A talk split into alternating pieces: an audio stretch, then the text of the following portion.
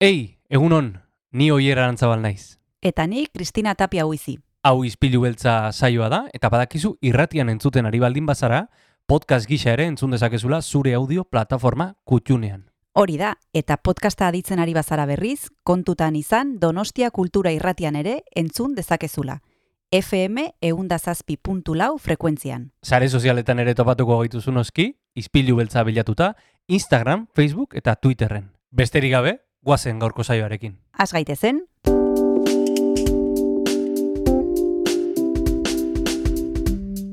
Ispilu beltza. Donostiako kulturaren berri, Oyer Arantzabal eta Kristina Tapia buizirekin.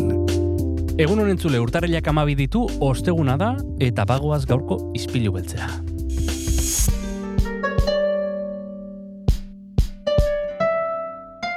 Izpilu beltzaren parean jarrita gaude Kristina eta biok, gaurko, bueno, bi gauza interesgarriak aurkezteko. zinema eta musika. Nik uste dut eh, plana ezin hobea dela, eta batetik e, zinemari buruz arituko zaigu hemen Josemi Beltran ostegunero egiten duen bezala, gauza interesgarriak ekartzen ditu Hmm. beti, eta bestetik musikari buruz hitz egingo du Mikel Gaztañagak e, berak zuzentzen baitu Orban Diskak izena duen proiektua, oraintxe sortu den proiektua, eta kontatuko digu nolatan sartu diren e, ba, olako gauza batean gaur egun, eta nik uste dut konbentzituko gaituela Mikelek. Olako bere genal batean, zerbait badakigu bere genaletan sartzeaz, ea Mikelek ze kontatzen digun, eta tira, bidea irekiko diogu Jon Gartziari bere musika jartzeko. Hori da, guazen gaurko izpilu beltzarekin.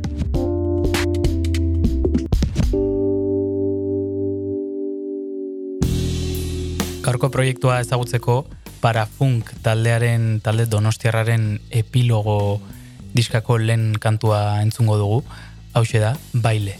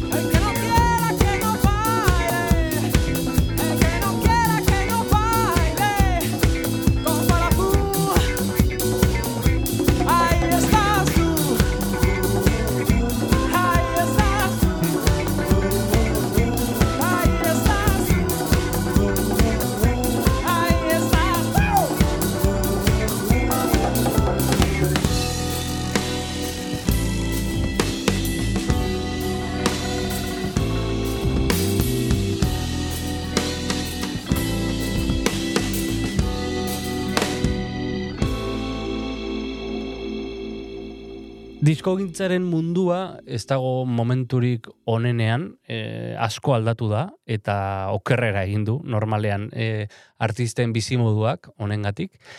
Eta gaur ezagutuko dugu, Kristina, okerrezpanago, mundu honetan sortu den ekimen berri bat. Bai, orban diskak izena du eta beraiek e, kaleratu dute orantxe bertan parafunk epilogo lanaren remasterizazioa mm eta bueno, proiektu horren inguruan eta disketxearen inguruan ere arituko zaigu Mikel Gaztañaga gaur. Jarraian hemen, izpilu beltzean.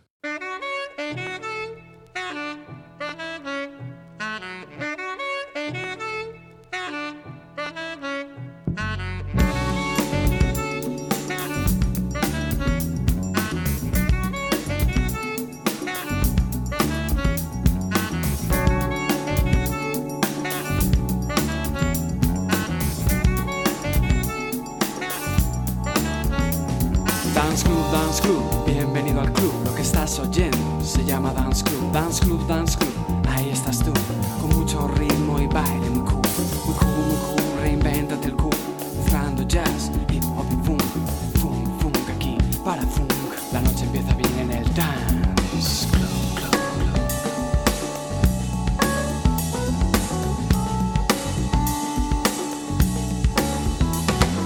Oye, que está sonando un disco nuevo que está en el plato. Lo tienes, lo tengo mi adentro el sexo, golpeando los huesos de nuevo. Qué bueno, qué bueno es esto, sentir el sexo en este momento, seguir el ritmo, buscarlo dentro. Si no bailas esto, es que estás muerto. Lo siento, lo siento, no quise decir eso. La sangre caliente altera mis nervios. Es el jazz, dance, groove, funk. El pincha mezcla con autoridad. Hip hop, hace jazz, wax. El club está ahora a rebosar. La gente baila, el club está estalla.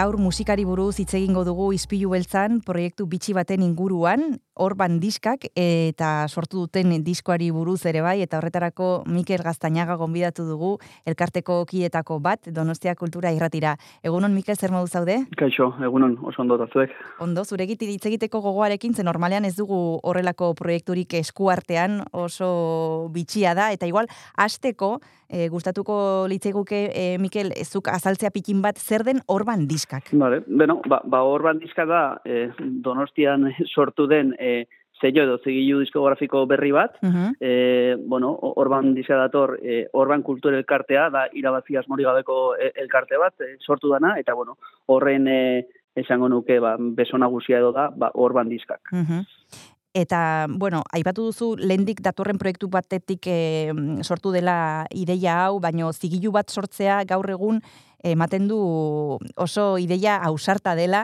e, hori azteko. E, zergatik eman duzu pausu hau? Zer, zer bultatu bai, zaitu? Bai, ideia ausarta edo, e, ideia ausarta edo keria baden, ba, bai. zango nuke pixka romantikoa dela, e, alde batetik eta bueno, nondik atera dan, ba, azkenean, ba, urbanizako e, elkarteko kideak, bueno, ba, musika maitatzen dugu, e, urte asko dara matzagu, ba, musikan munduan edo gertu behintzat, ba, e, ba, bai irratxaioetan, bere momentuan, e, itxantxakun irratian, edo gero festak montatzen, edo, edo pintxatzen, ba, nik uste donostiako txoko guztietan, eta, bueno, ba, horrek izan du, nik uste, ba, bilakaera edo evoluzio natural bat, eta azkenean ba bueno gu faltan botatzen genuen zerbait e, sortu dugu. Eta da ba ba ba sigilu musikal bat edo sigilu musikal bat ba bueno e, hemengo e, musikarekin erlazioa daukana eta eta era berean ba bueno ba, ba ikuspuntu zabalagoa edo gure ustez e, ba, faltan botatzen genuen zerbait e, batzen duena. Eta hori da pixkat gure, bueno, gure proiektuaren laburpena. Mm -hmm. Zehazki ze, ze, ze, botatzen zenuten e, faltan, Mikel, e, zigilu bat sortu duzue, eta zer e, ze zaugarri ditu zuen zigiluak kanpoan e, zenitunak e, ikusten? Bai, bueno, alde batetikan, e, berreskuratu nahi genitun guretzako, bueno, e, ba, Euskal Herrian edo Euskal Musikan dauden, ba, altxor batzuk, e, akaso pasadirenak, ba, ba, ba, ba, aizain, ba, oarkabean edo pasadinak hori izan alde batetikan. Eta gero, bueno, e, e, serioaren e, ideia ez da bakarrik e, aurreko gauzak ateratzea, baita ere, gauza berriak irutzen zezkigu, ari dela gertatzen gauza, bueno, edo, edo proiektu interesgarriak, e, akaso e, Euskal Herrian hain e, oikoak ez diran e, musika motaetan. Eta, eta horri eman egin ba, bulkada bat. Hori alde batetikan. Eta beste batetikan, ba, formatoa ere, bueno, gure intentzioa eta horrela izan da lehenengo lehenengo diska bai da viniloan e, ateratzea e, musika e, bueno uste dugulako badaukala ba dakit e, erlazio bat e, musika entzuteko erarekin ba pixka bat gatzen ari dena bai, baita guri ere musika digitala ere asko konsumitzen dugu baina bueno ba, badago erlazio ezberdin bat nik ba elementu fisiko bat hartzen duzunean irakurtzen duzunean ba, historia eta zintzu dira musikoak eta e, eta bueno, e, ze ezaugarri dauzkan diskoak. Eta hori pixka bat, ba, bueno, nik galtzen joan dela formatuaren gatik ere digitalean, ez dugu formatu digitala baztertzen, eta nik uste proiektu berrietan ere egongo direla, baina, bueno, baina nahi dugu, ba, ez galtzea. Gero galdetuko dizut e, horren inguruan, nola aldatu diren musika entzuteko e, moduen gatik eta bar, baina ipatu dugu proiektu bat, eta jarraian itzeingo dugu horren inguruan, baina guazen proiektu hortako abesti bat entzutera eta bueltan azalduko duzu Mikel zer den. Guazen entzutera zer, Mikel, zer entzun behar dugu orain? Bai, e, e, parafunken epiloko diskoko briko fanka bestia entzungo dugu, e, nik uste torre labur biltzen dela gure filosofiaren zati bat, ba, e, hemen gauza barri dauzkan musikak eta e, eta kanpoko edo beste zogarri batzu dauzkan e, e, musika. Guazen entzutera bestia eta orain bertan azalduko digu Mikel Gaztañagak zer den parafunk epilogo e, lana.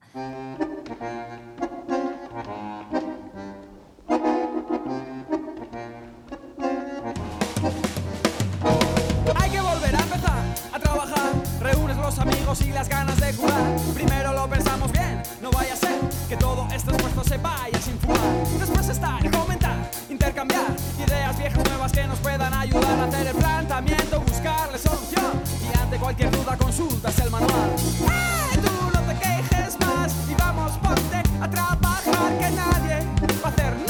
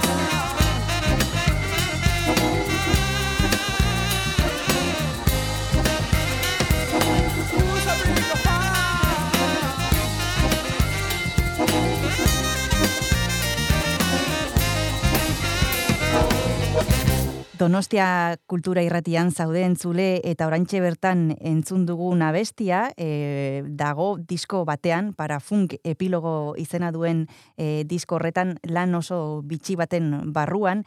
Eta Mikel gustatuko litzaiguke jakitea zer den e, lan hau nola e, sortu den e, egiteko aukera proiektu oso bitxia da e, ze bueno, bazen, baina orain zuek berriro kaleratzen duzue, kontaitu guizu pixka bat, nola, nola sortu zen ideia hau? Ba, parafunk e, da edo zan, e, donostian egon zan e, banda bat, laro gita Mhm. margarren amarkadan, bueno, hasi zan proiektu individual bezala, eta eta ondoren ba, ba talde bihurtu zan.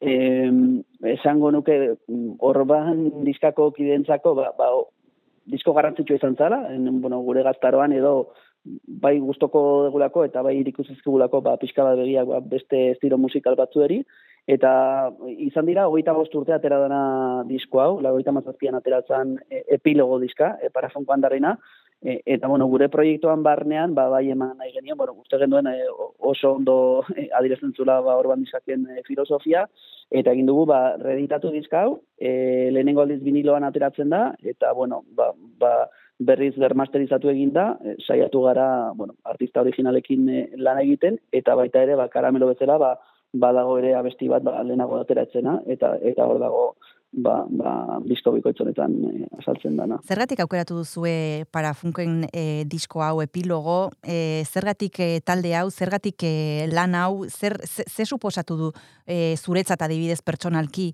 e, edo ze suposatu zuen e, lan honek bere garaian? Bueno, bere garaian izan zen lan bat oso aurrerakoia, eh, esango nuke ezala mainstream bihurtu, baina diska entzun dutenek edo gustatzen zaien antzako, e, bueno, eta eta orain ikusi dugu ez, e, diska berriro ekaleatu denean, nik uste lan bat oso garrantzitsua izan zala jende askorentzako, eta batez ere musika munduan ere e, gero bukatu den e, e, jendearekin. Hori, ba, diskak ematerakoan edo salmentetan, ba, ba, ba baina baditu dugu, ba izan zala, bueno, esate izuten bezala, e, diska bat garrantzitsua. E, eta uste denuen pena merezi zuela, ba, bueno, berriro ere kaleratzea, ba, sen, sensazio hori, ba, jende gehiagori edo, e, e- edo, bueno, poz hori jende gehiagorentzat ere e, zabaltzeko. E, orduan, zergatik, ba, bueno, guretzako oso disko kutsuna dalako, e, gero, e, partaide diren musikoak, bai, ikusi da bere ibilbidea zein izan den hortik e, urte batzuetara, e, nik uste Euskal Herriako banda garrantzitsunetan parte hartu dutela, eta produktoreak ere ba, punta-puntakoak direla, eta bueno, diska hori atera zen niretzako, ba, musikari horiek, e, bueno, momentu oso gozoan zeuden, eta gero ikusi da, bere ibilbidearekin, ba, bueno, ze maila zeukaten. ez. Eta bueno, pixkat berreskuratzeko, ba, akaso musikari horiek famatuak izan dira, famatuak izan dira ondoren, Hmm. eta bueno, hor arrasto arrastoari segida, e, begiratuz, ba, ikusten da, ba, altxor bat utzi zutela, ba, ba bere ibilbide horren hasieran. Aipatu dugu aspaldiko diskoa dela eta baliteke norbait egotea irratiaren beste aldean e, ez dakiela zertaz ari garen. Mikel, nola deskribatuko zenuke musika mota beraiek egin zutena disko honetan? E, e, Bai. ze instrumentu, ze letra, ze nolakoa zen? Eta nolakoa da? Vale, bueno, bada disko oso bitxia, ba, gauza ezberdin asko sartzen ditulako, e, eta naturaltasunez egiten du, nik uste hori dela azkenean zaiena, ba, edo zein arte arloan, ez? E, Artean influentzia ezberdinak eta eta naturalki ba, ba txertatzea. E, estiloak, ba, badago soul, funk, acid jazza eta eta rapa, e, hip hopa, e, eta hori, laro garren urtean, eta bueno, freskotasun horrekin, e, ez da rapa agresibo bat, nahiko nuke, da, da bueno, ba, suabeagoa, edo, bueno, eta kit intelektualagoa esango alde batzuetan, bueno, niretzako bintzat, eta, eta estilo horiek juntatzen ditu, eta nik uste, ba, bueno, e, oraindik ere ez daudela disko asko e, Euskal Herrian estiloiek e, juntatzen dituenak, eta bueno, ba, ba baita ere kluberako abestia badauzka esan nahi dantzatzeko eta bueno, ba, hori izango zian igual estilo nabarmenenak. Ba, ongiri utzen baldima zaizu, guazen diskoko beste abesti bat eh, entzutera, zein aukeratuko duzu orain eta entzulekin partekatzeko? Bai, ba, nik uste dute, bueno, e, esan dugu abestia domingo bokal bertsioa hori da orain arte, bueno, atera ez den e, abestia, eta nik uste ba, bueno, e, entzulentzako, ba, plazer bat izango dela abesti berri hau entzutea e, lehenengo aldiz. Ederki, bagoazen entzutera.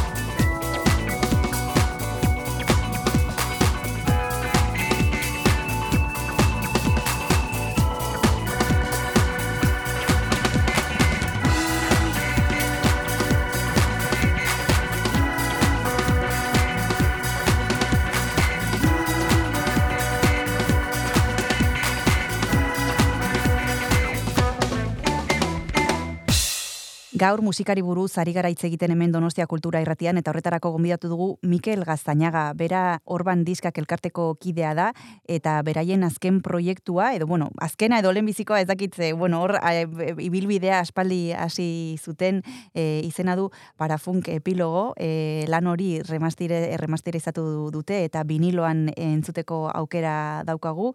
E, Oraintxe bertan entzun dugu e, diskoaren bigarren abesti bat eta aipatu duzu e, bertan e, pertsona askok parte hartu duzuela, guazen pixka bat lantaldea e, aipatzera izen batzuk behintzat, e, nortzuk parte hartu duzu e, proiektu hontan Mikel? Bueno, e, ba, lehenik eta eta behin, ba, ba, elkartekoek, e, bueno, e, esango nuke e, Fran Pastor eta Mikel Gazainan izan dira e, buru, baina, bueno, e, uste du gara, gerala garrantzi gutxiena daukagunak, e, disko hontan edo bai egitan e, uste dut disko hau kaleratzea ba etzela izango posible e, musikoek eta eta produktorek eta artistek e, egin zutena 97an egin zuten izan dira oso eskuzabalak e, e, eta bueno eskertu nahi nieke alde batetik ba bueno ideia originala edo parafun lehenengo bandaren sortzailea Javi Pez e, izan zen eta o, bueno, egon zan disko bat e, parafunkena, dara gita garren urtea, bera bak, bakarlari bezala e, aterazuena,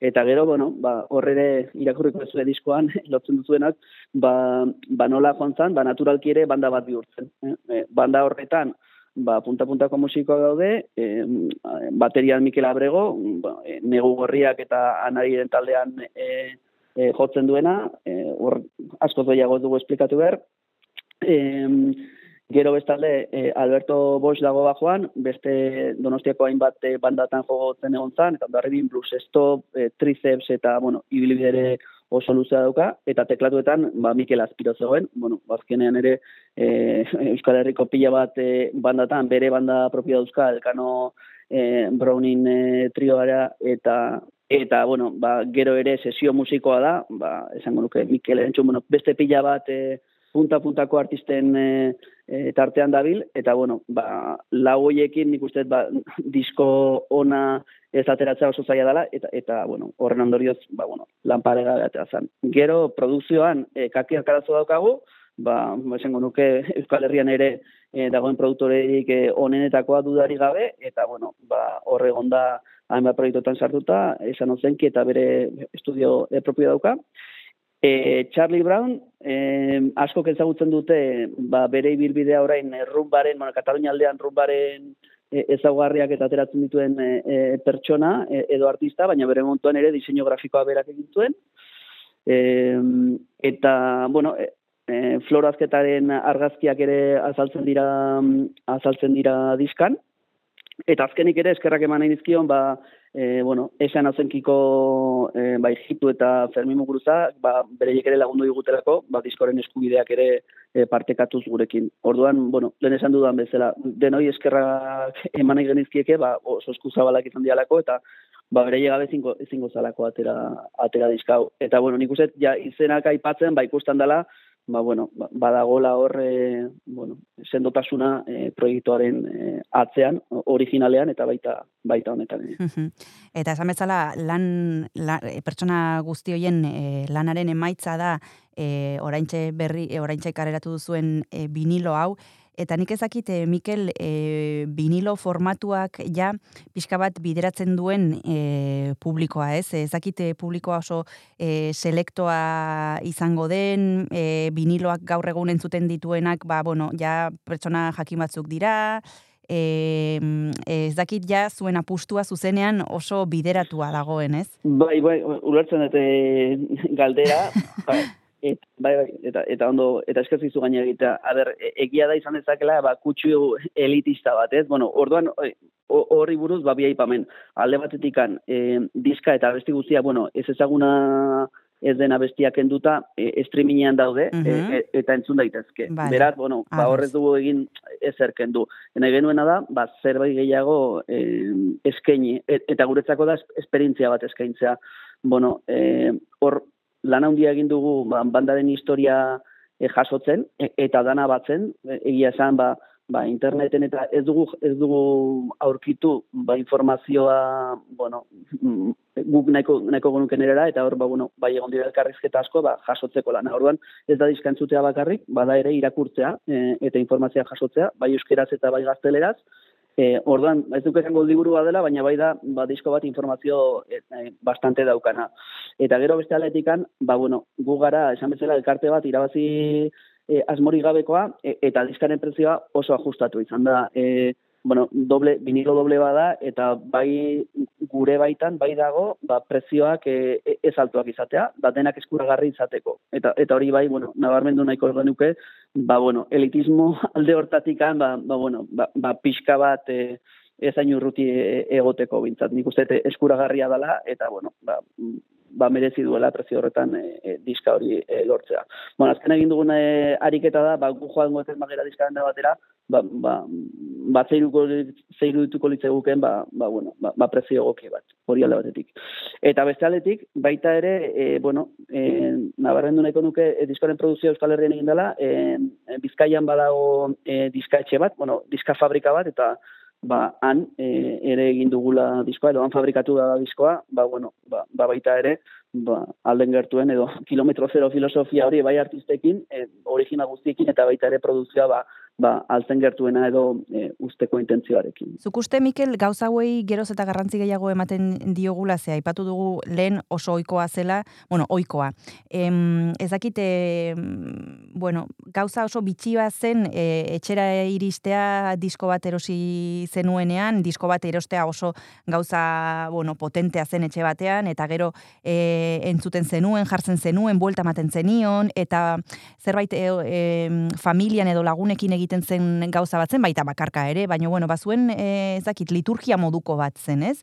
E, hori orain ez da, ez da horrela, beste modu batzuetara e, entzuten dugu musika, e, internetek e, bueno, dena hankaz gora jarri du, eta nik ezakit e, nostalgia daukazun e, garai hoietaz. Bueno, ba, ez dakit nostalgia da, akaso puntu bat, baina nik uste dana bezala, e, e, bueno, ez, ez du izan beharra txuri edo beltza, ez? Nik, nik uste dut, e, orain badaudela musika entzuteko era ezberdinak, e, eta gustatuko litzaidake, edo neri gustatzen zai behitzat, era ezberdinetara e, ba, ba, musika hori edo entzutea. E, entzuten dugu streaming bidez, e, e, edo zen ditugu e, baita ere e, digitalki, abestiak, batez ere ba, pintxatzen dugunean eta kalitate bat behar dalako, e, soinu kalitate behar dalako, baina baita ere, nik uste bueno, faltan botatzen dela, noiz behinka, ba, liturgia hori, baina, bueno, ez naiz nire zorliz, liturgia... bueno, bai. Baina,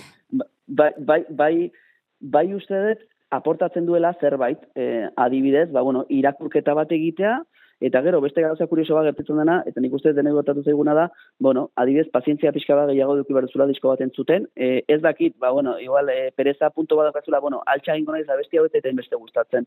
Bueno, batzuetan gertatzen da, abesti bat entzuten duzunean, hasiera igual akaso izuna gustatzen, eta behin eta eta berriz entzuten duzunean, igual bihurtzen da zure abesti gogokeena. Eta hori uste dut galtzen ari dela. Esperientzia hori, eta eta bueno, hasieran igual inbeste gustatzen ez zaizkizun melodiak edo harmoniak eta hoiek barneratzea e, galtzen ari da e, eta bueno, ba, hortan pena bada. Orduan esango nuke, ba, ba guk ez dugu bakarrik musika viniloan entzuten, digitalki ere entzuten dugu, baina bueno, ba, digitalki bakarrik entzuten duten horientzako, ba bueno, ba proposamen bat eta eta opari bat uste dela. Eta, bueno, ba, ba, gomendatzen dizuegu, ba, saiatzea, noiz behinka, hori egitea, e, besterik gabe, ez beti, baina, baina, bueno, ez dakite, espresatu dena ondo, ze uste dudan, e, bueno, ba, gauza batzu galtzen direla e, bakarri digitalki entzuten badugu. Bueno, ba, Mikel Gaztañaga kaipatu duen bezala altxor pila bat daude disko horretan, e, nahi duenak eslim bidez e,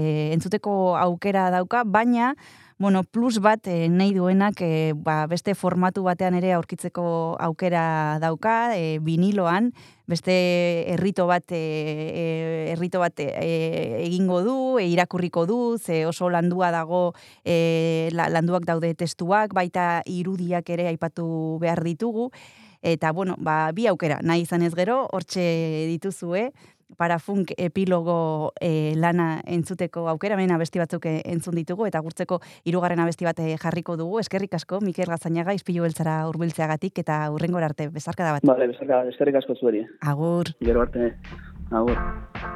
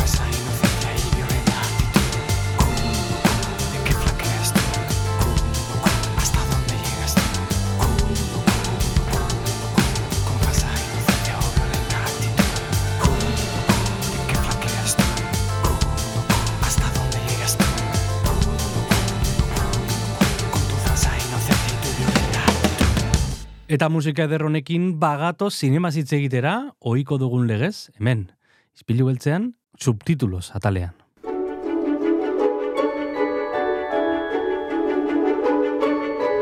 Azpitituloak, subtitulos, Josemi Beltranekin.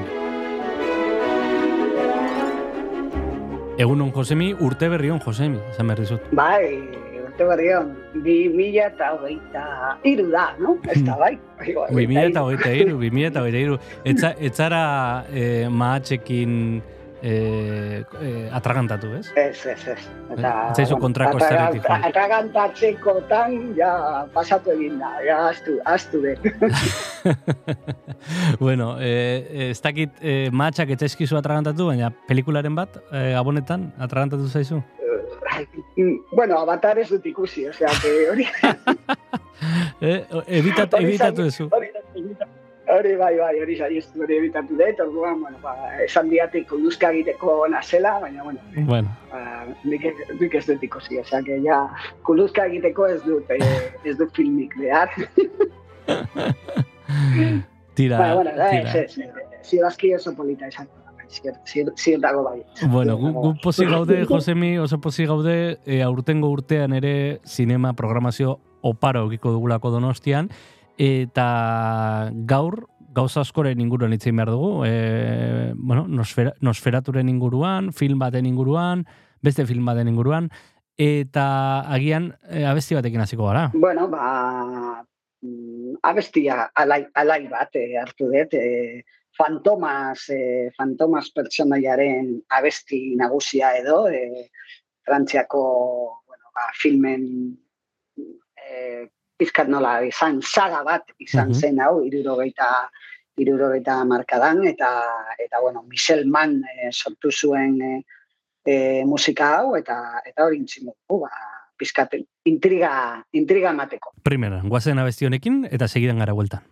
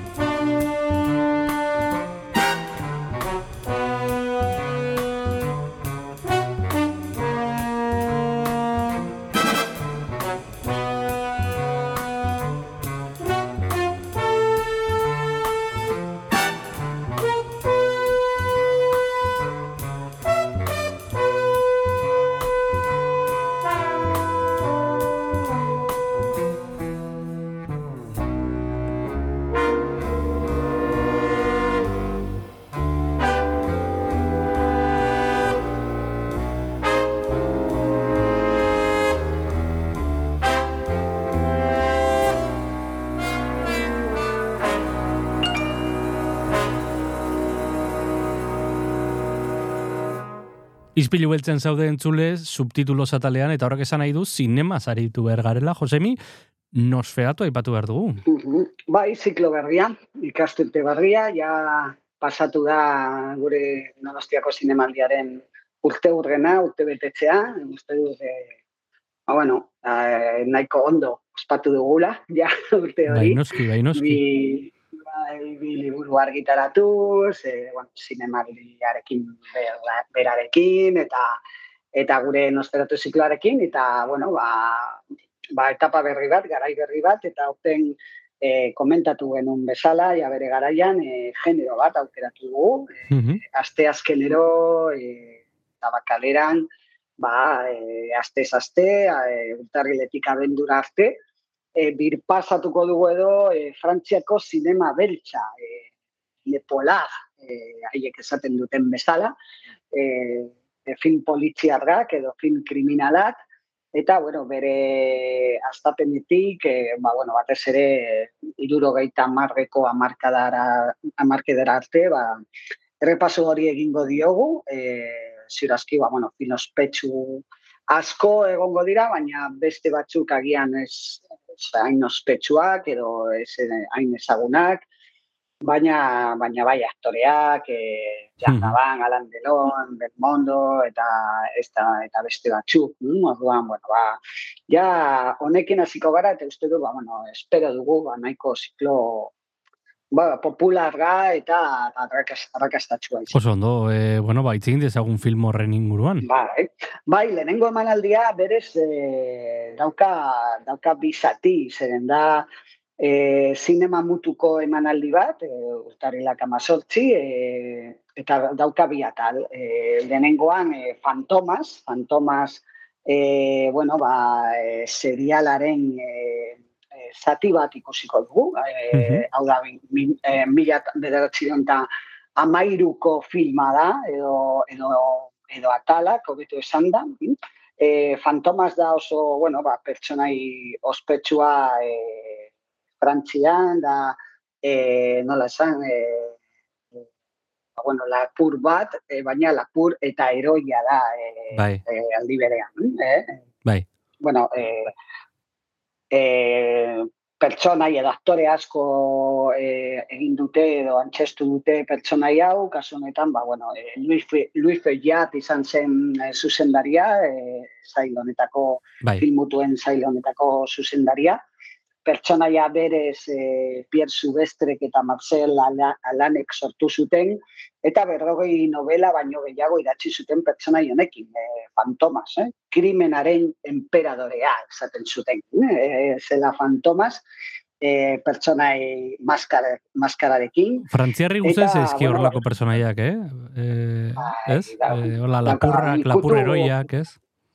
Ba, hori da, gotiko, gotiko eta dotorea, eh? E, bai, lupen ere, badagoan, no? Eta duela gutxi eskuratu dute azel lupen, e, baita ere, telesail moderno batean. Hm?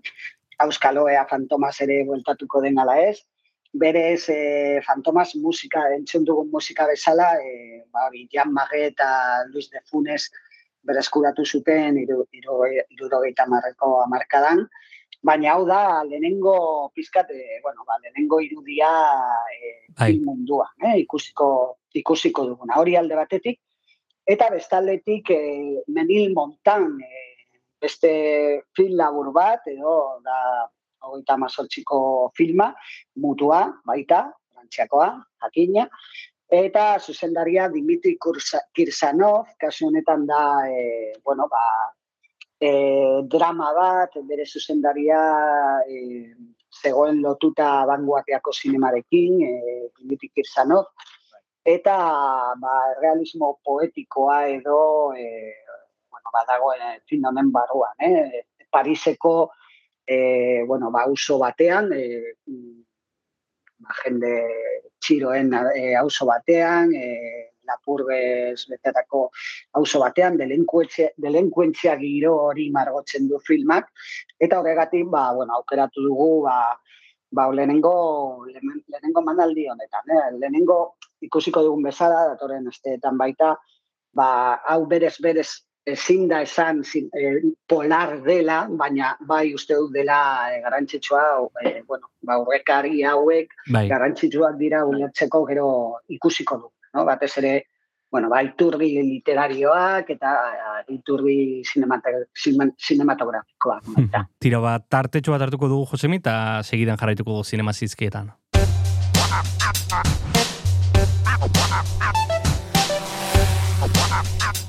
Donostia kultura irratia. Zabaldu gurekin Donostialdeko kulturaren leioa.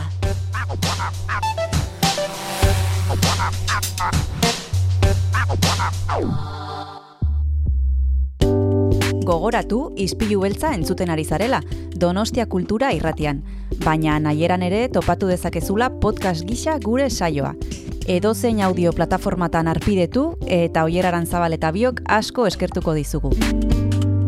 Orain jarrai dezala saioak. Zinema sari gara izketan hain zuzen ere, Fantomas, a la sombra de la guillotina, nosferatu zikloarekin, e, bueno, beti jarraitzen dugulako zikloa, ez? Eta, eta bueno, gustoko zaigu, ba, bestela pantalla hundian ikustea horren erresa ez diren filmak, ba, bai e, donostiara kartzeko, eta baita nola ez, izpilu beltzera, kasu honetan frantziara egiteko, mm, urtarriaren emezortzian, zazpiretan, tabakaleran. Eta sarrerak eskuratzeko betiko legez, ba, donostia kulturan, ezta? Jakina, donostia kulturako webgunean eta eta ba, tabakalerako webgunean. Hori da, e, tira orain, bagoaz beste film baten inguruan hitz egitera, salto egingo dugu, baina e, lehenengo mm, beste abesti bat, e, abestiak erabiltzen ditugulako, bueno, zinemara sartzeko aitzakia gisa. Ba, bai, e, ni, e, kasu honetan, bilatu nun e, YouTubeen e, Norkorean e, music, edo Norkorean pop song, eta gertzen den lehena, du izena e, whistle, e, silbidoa, edo txistua, edo horrelako zerbait, ba, ba saltu, saltu, jarri eta bota entzun dugu. Oso ondo, entzun dezagun.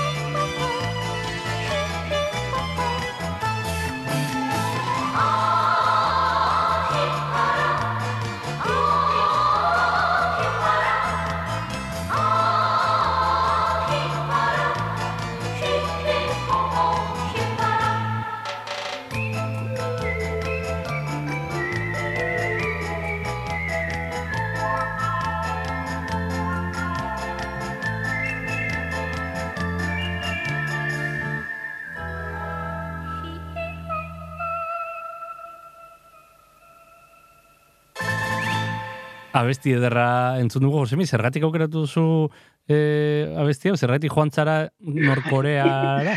Bueno, ba, ba, badauka, badauka bere lotura eta badauka bete, bere asalpena, ia beti saiatzen naiz hori hori izaten, baina kasu honetan, e, bueno, La Piedad e, filmari buruz hitz egin nahi dudalako, e, La Piedad Eduardo Casanovak e, bueno, zuzendutako bigarren lana, bielez e, aurkeztu eta gero, bigarren lan luzea, e, aldez aurretik ja zenbait film labur ba zeukan, Eta La Piedad orain esteinatu, esteinatuko da zinemaretoetan, egun hauetan, eta e, bueno, bere estetikan eta bere historiaren barruan garrantzitsua da Ipar Koreako estetika eta musika baita. Mm Mhm. bueno, ikusiko duzuenez, e, bueno, bueno, bueno e, Eduardo Casanovak aukeratu du e, Ipar Koreako estetika e, exageratu hori, eta, bueno, e, nola esan, ba, panfletarioa baita, eh?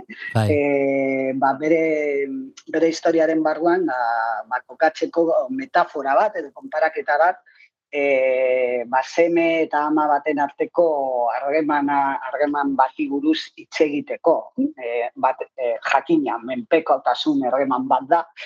Agian, ba, Ipar Koreako gobernuak daukan bezala bere hiritarre, bere hiritarrekin. Mhm. E, eta hori oso ondo erabiltzen du Eduardo Casanovak estetikoki, ba, bueno, pieles ikusi baduzu edo bere aurreko film laburrak, ba, beti eh, batez ere koloreak oso garrantzitsuak dira e, Casanovaren irudietan, argazkietan eta eta eta filmetan, e, kolore argosa batez ere, baina kolore oso deigarriak eta eta musika musika baita eta pertsonai e, argaroak, e, Bai. esan dezakegu. Kasu honetan, bueno, e, e, minbizia tarteko ere, ezta? Bai, badago, da gaixotasun, e, gaixotasunak badaude baita ere, gaixotasun mentalak, fisikoak eta, eta zauri psikologikoak. mm, E, zauri psikologikoak e, eta, eta trauma. E, baina modu, ba, bueno, estetikoki oso a- atsegina eta ausarta nik esango nuke, no? Ematen du eh, adibidez Unicorn Wars animaziozko filmean gertatzen zen bezala, ba, ematen du film atsegina de- dela, e, irudiz, baina gaia nahiko nahiko gogorra esan daiteke, eh? segun nola, nola kontatzen dugu. Eta berak egiten duena, da, ia, ia, pizkat da, e, golosina bihurtu gai gogor bat, mm, e, nire ustez. E, ez bakarrik ego ipara, ipar koreako estetikarekin, baita erabili dezake ba, Japoniako animazio filmen e, irudia edo hizkuntza Mhm. visual hori, oso, oso ondo zaintzen du hori, nire ustez, ba, bueno, oso pentsatuta dago e, filma. Eh, han ikustea Angela Molina, ba, bueno, beste, agian beste garai bateko eh, aktore eta ikono bat, eh, hau esalako proposamen batean, ba, bueno, efektu oso indartsua eh, sortzen du baita.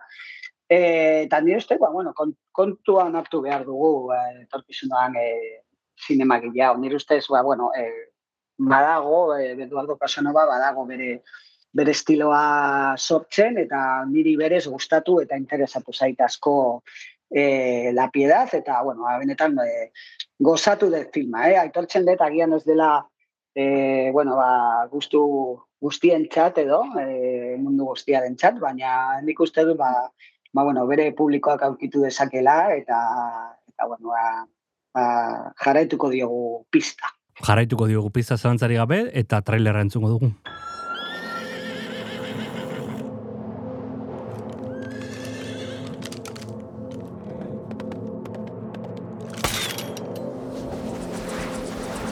Y de nuevo nos llegan más noticias estrambóticas de Corea del Norte. ¿Has sido tú el que has roto la foto de tu padre? Ella es como el sol. Si te alejas demasiado, te congelas. Si te acercas demasiado, te abrazas. Pero necesitas el sol.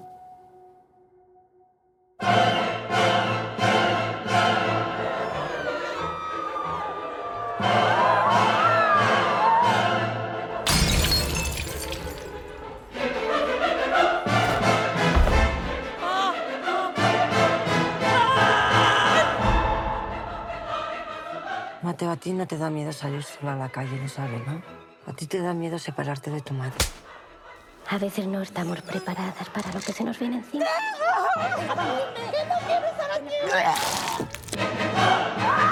No te des una idea de lo que he deseado ser como tú a la vez que te odiaba. ¿Y por qué quieres ser como yo? Porque quiero que alguien me necesite de verdad. ¿No te das cuenta de que cuando te alejas de mí todo va mal? Quiero ver a mi padre. ¿Dónde está tu madre? Tiene cáncer. Me llamo Marta, pero si quieres me puedes llamar mamá.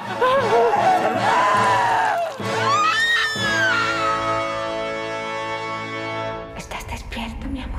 La Piedad zinemetan ikusgai dagoen filma Eduardo Casanovaena oso berezia, gogorra, eta eta gaurko gomendioa, Josemi, mm, beti bezala, e, pelikularekin batera gomendioa zinemara joatea, ezta? Hori da, bai, bai, bai, eta ez bakarrik eh, avatar ikusteko.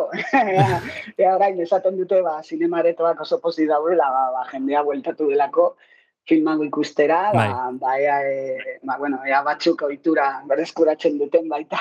Hori da. Gogoratzen dira, jode, jo, zinema ez dago haingaski, bueltatuko, bueltatu behar.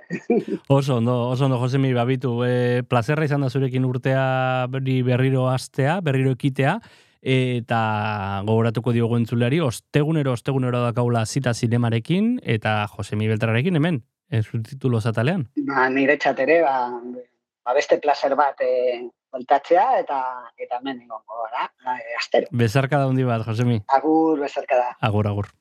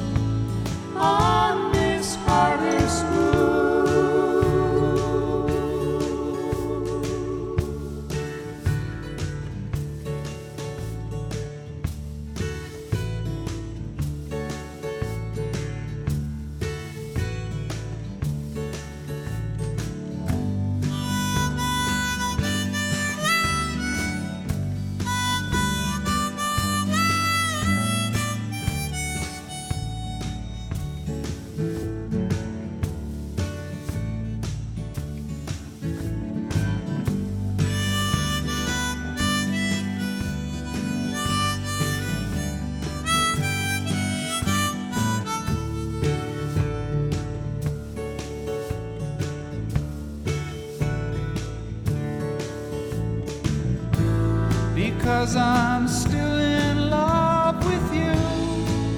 I wanna see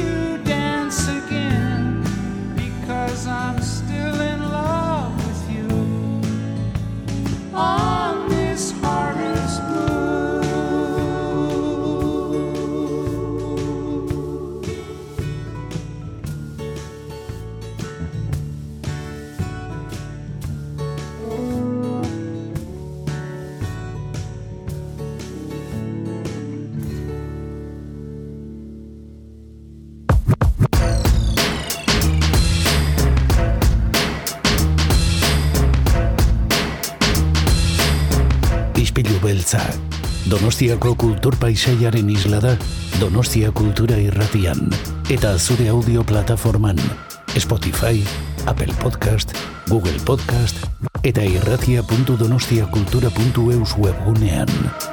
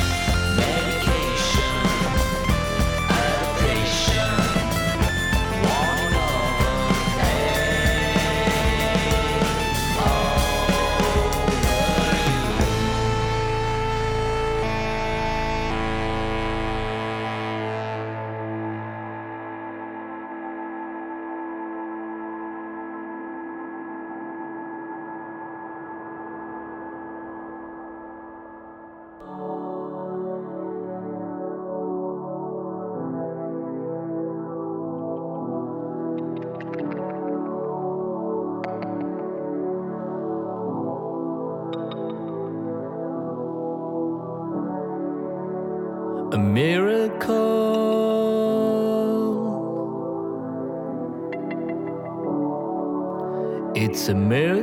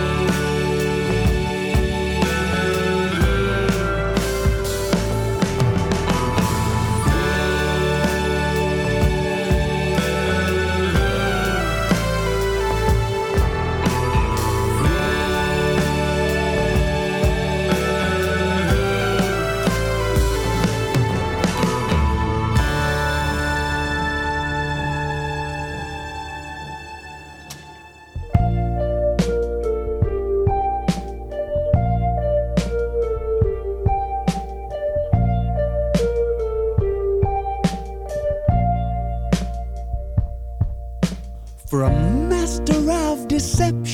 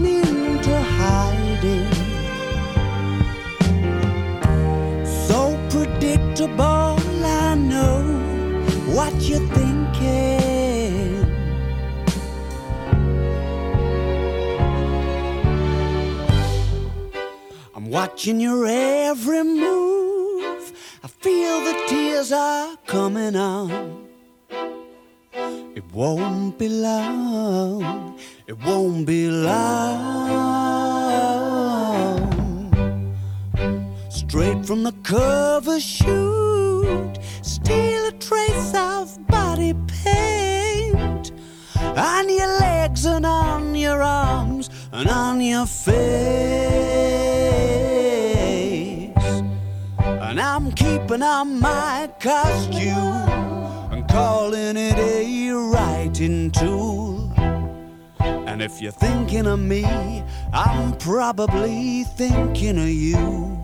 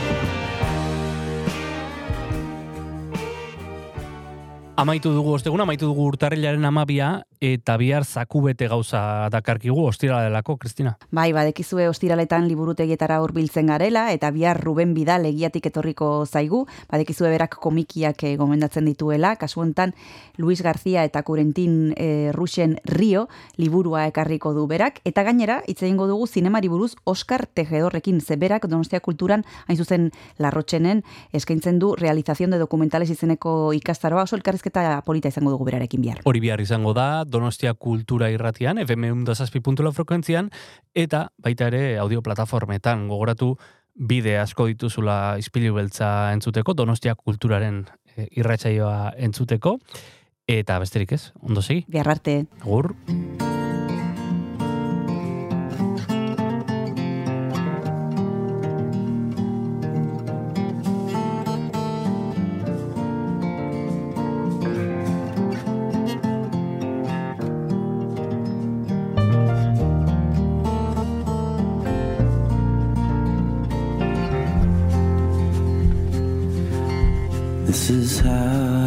color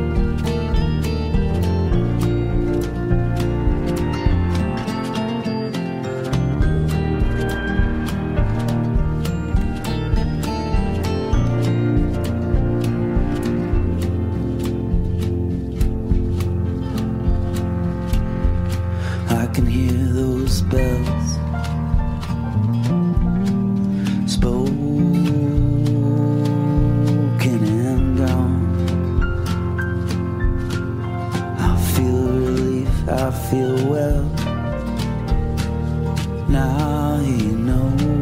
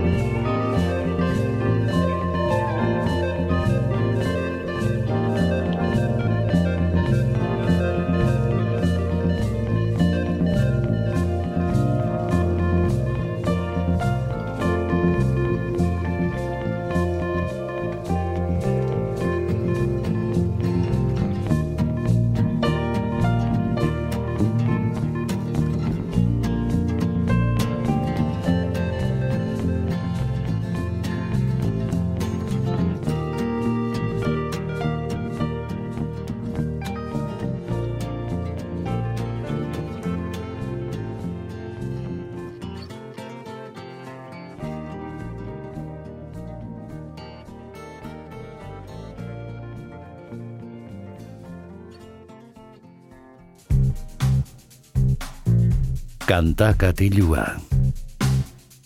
Jon Gartziaren eskutik. Kaixo entzule ongi etorri berriz ere kantakatiura, hemen gaude izpilu beltzari agur esateko prest musikaren bidez, eta askotan egiten dugun bezala diskoen bitartez. Berkoan bi disko entzungo ditugu, bi disko labur hain zuzen ere, eta ibilbide laburra daramaten bi taldeen proiektu berriak entzungo ditugu, batetik donostiatik datozen Merina Gris, e, 2008an sortutako taldea eta aurten izugarrizko gorakada ukiduen e, taldea, bertxio osatutako e, lan laburra e, argitaratu berri dute gureak ez zirenak izeneko diskoa, eta bestetik gazteizetik datozen pasadena taldea 2008 batean sortutakoa, e, izaki gardenakeko partaideekin, eta haiek ere lan berria argitaratu dute, izpia izeneko lana, lau kantuz osatutako lana, eta guazen lehenik eta behin donostiara, izan donostia kultura irratian gaude, eta Merina Grisen e, disko berria hau entzungo dugu, Dancing on my own abestiaren bertsioarekin.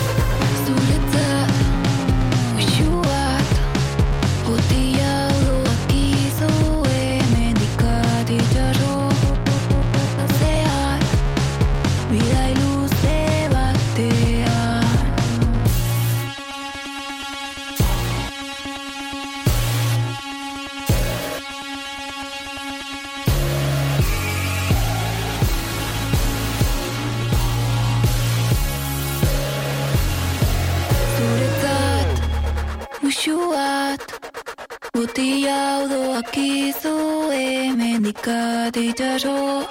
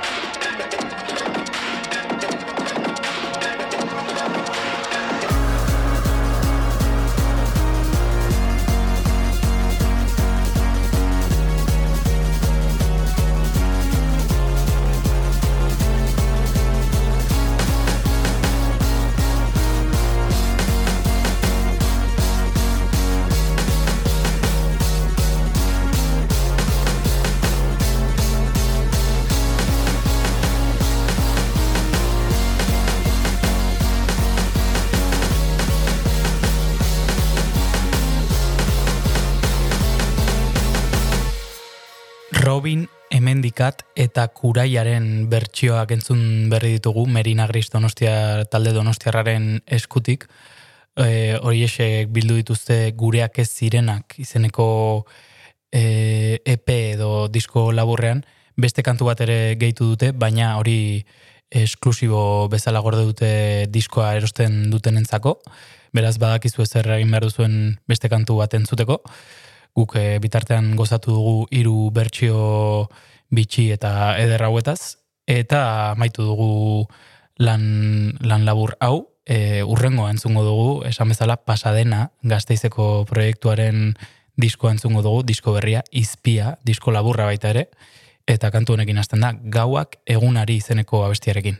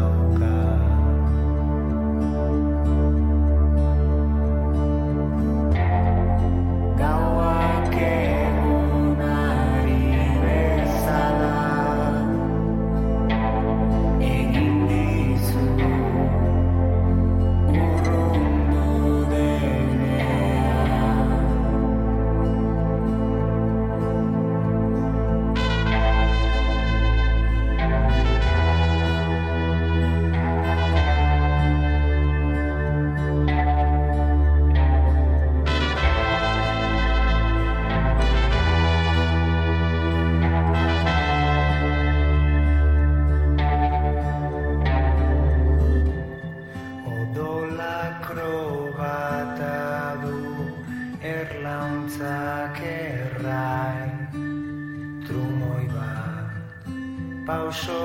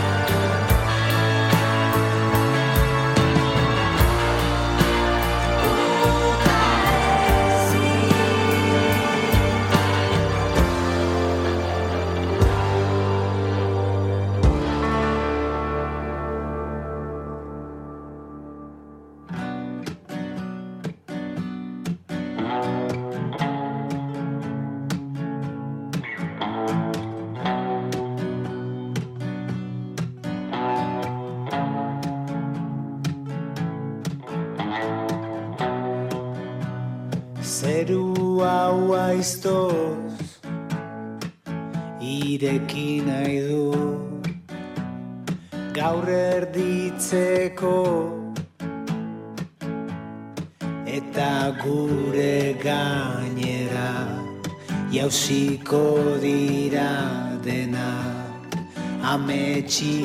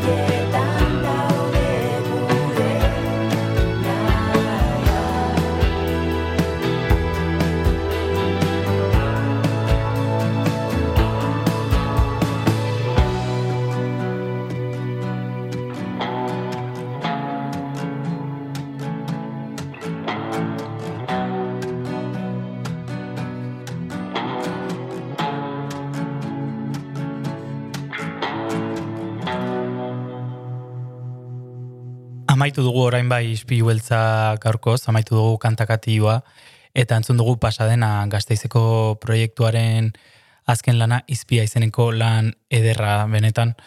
E, entzun dugu baita ere Merina Grisen bertsio diskoa, gureak ez zirenak izeneko lana, eta honen bestez ba, kantakatiu ederra gelditu zaigu garkoz, bihar e, ostirala e, berriz itzuliko gara musika gehiagorekin, beraz azken kantuarekin utzeko zaituztet, gravitatea izeneko arekin, orain txentzun dugu zerua ireki izeneko abesti ederra, eta horixe, bihar arte.